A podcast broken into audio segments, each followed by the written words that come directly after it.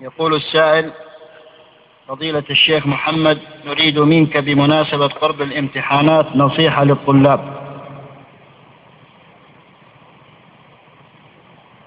أما الوصية لأهل الامتحان أن يتذكروا بامتحان الدنيا امتحان الآخرة.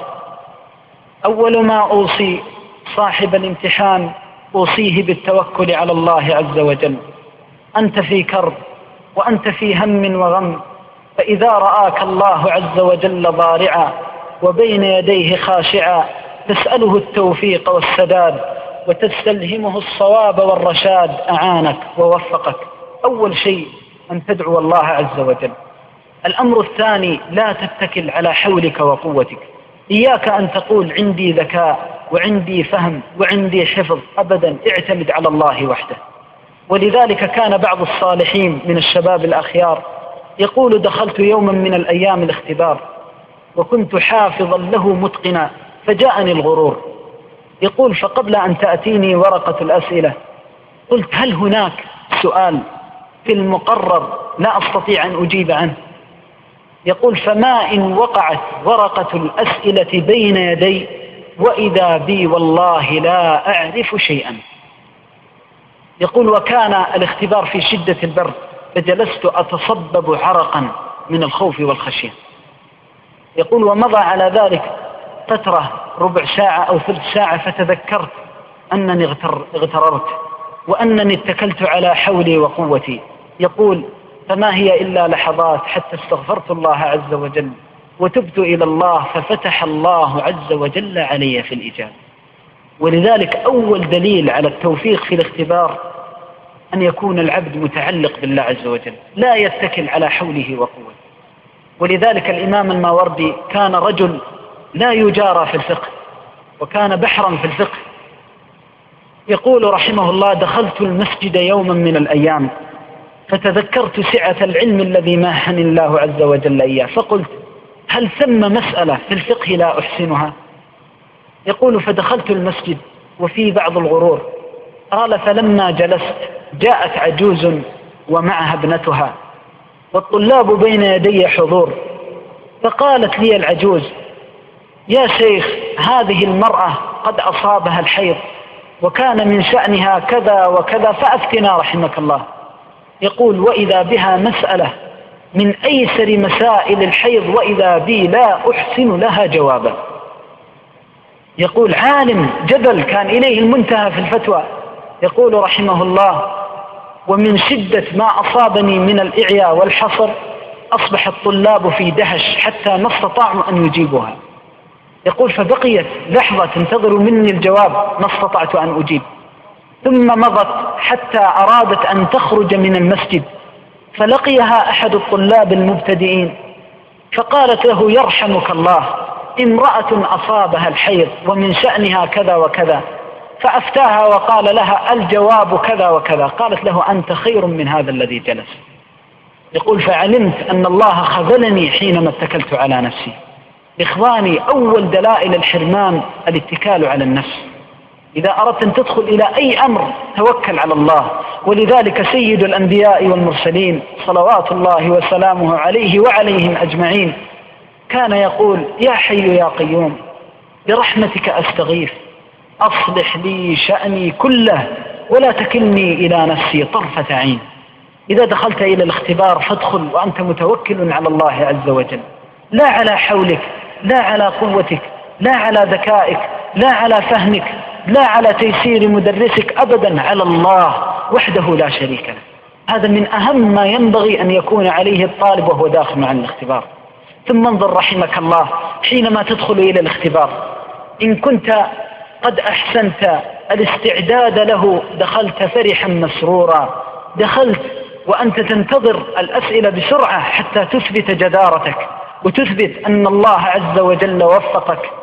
وأما من كان مضيعا ومفرطا ومهملا فيدخل خائفا وجلا. ولله المثل الأعلى. أفمن يلقى في النار خير أم من يأتي آمنا يوم القيامة. هكذا حال الناس يوم القيامة. وشتان والله ما بين الحالين. أما الحالة الثالثة أدعوك أن تتذكر الآخرة. أنت الآن في مكان في جو مريح. والأسئلة أسئلة عبد ضعيف. لا يدري نقاط ضعفك. ربما يأتيك بالأسئلة في أمور راجعتها قبل اختبارك.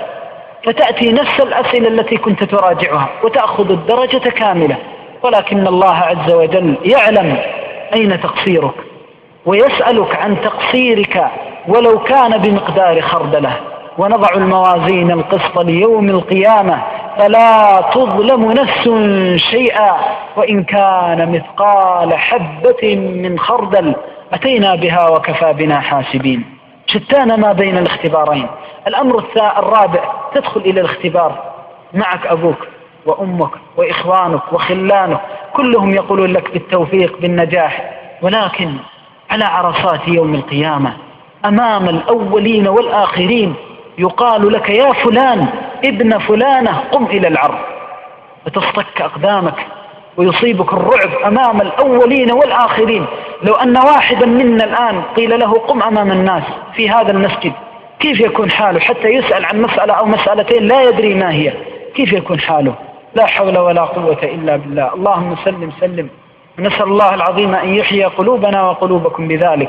تظمأ في الاختبار فتجد الساقي. تتعب فتجد من يروح تعبك. ولكن هناك إذا ظمئت فلا ساقي لك. وإذا تعبت وعانيت كان تعبك جزاء وفاقا. ولا تظلم نفس شيئا. والله تعالى الوصية الأخيرة. لمن كان في الاختبار وهي وصية مهمة. أوصيك أخي بعد أن تؤدي اختبارك أن تكون راضيا عن الله. وهذه الحقيقة نقطة مهمة جدا. كثير من الناس وفقه الله عز وجل. فكان نابغة مقدما موفقا. فإذا نقص شيئا يسيرا في اختباره ولو درجة درجتين أقام لها الدنيا وقعد وسب وشتم وسخط على القضاء والقدر وهذا لا ينبغي. أول ما أوصيك بعد انتهائك من الاختبار الرضا عن الله. إن جاءتك يسيرة فقل الحمد لله بحول الله وقوته والفضل والمنة لله. وإن جاءت عسيرة فقل الحمد لله الفضل والمنة لله. ما شاء الله كان. والله لن ترضى عن الله إلا أرضاك الله عز وجل. وما من إنسان يبتليه الله عز وجل ببلاء يسيئه.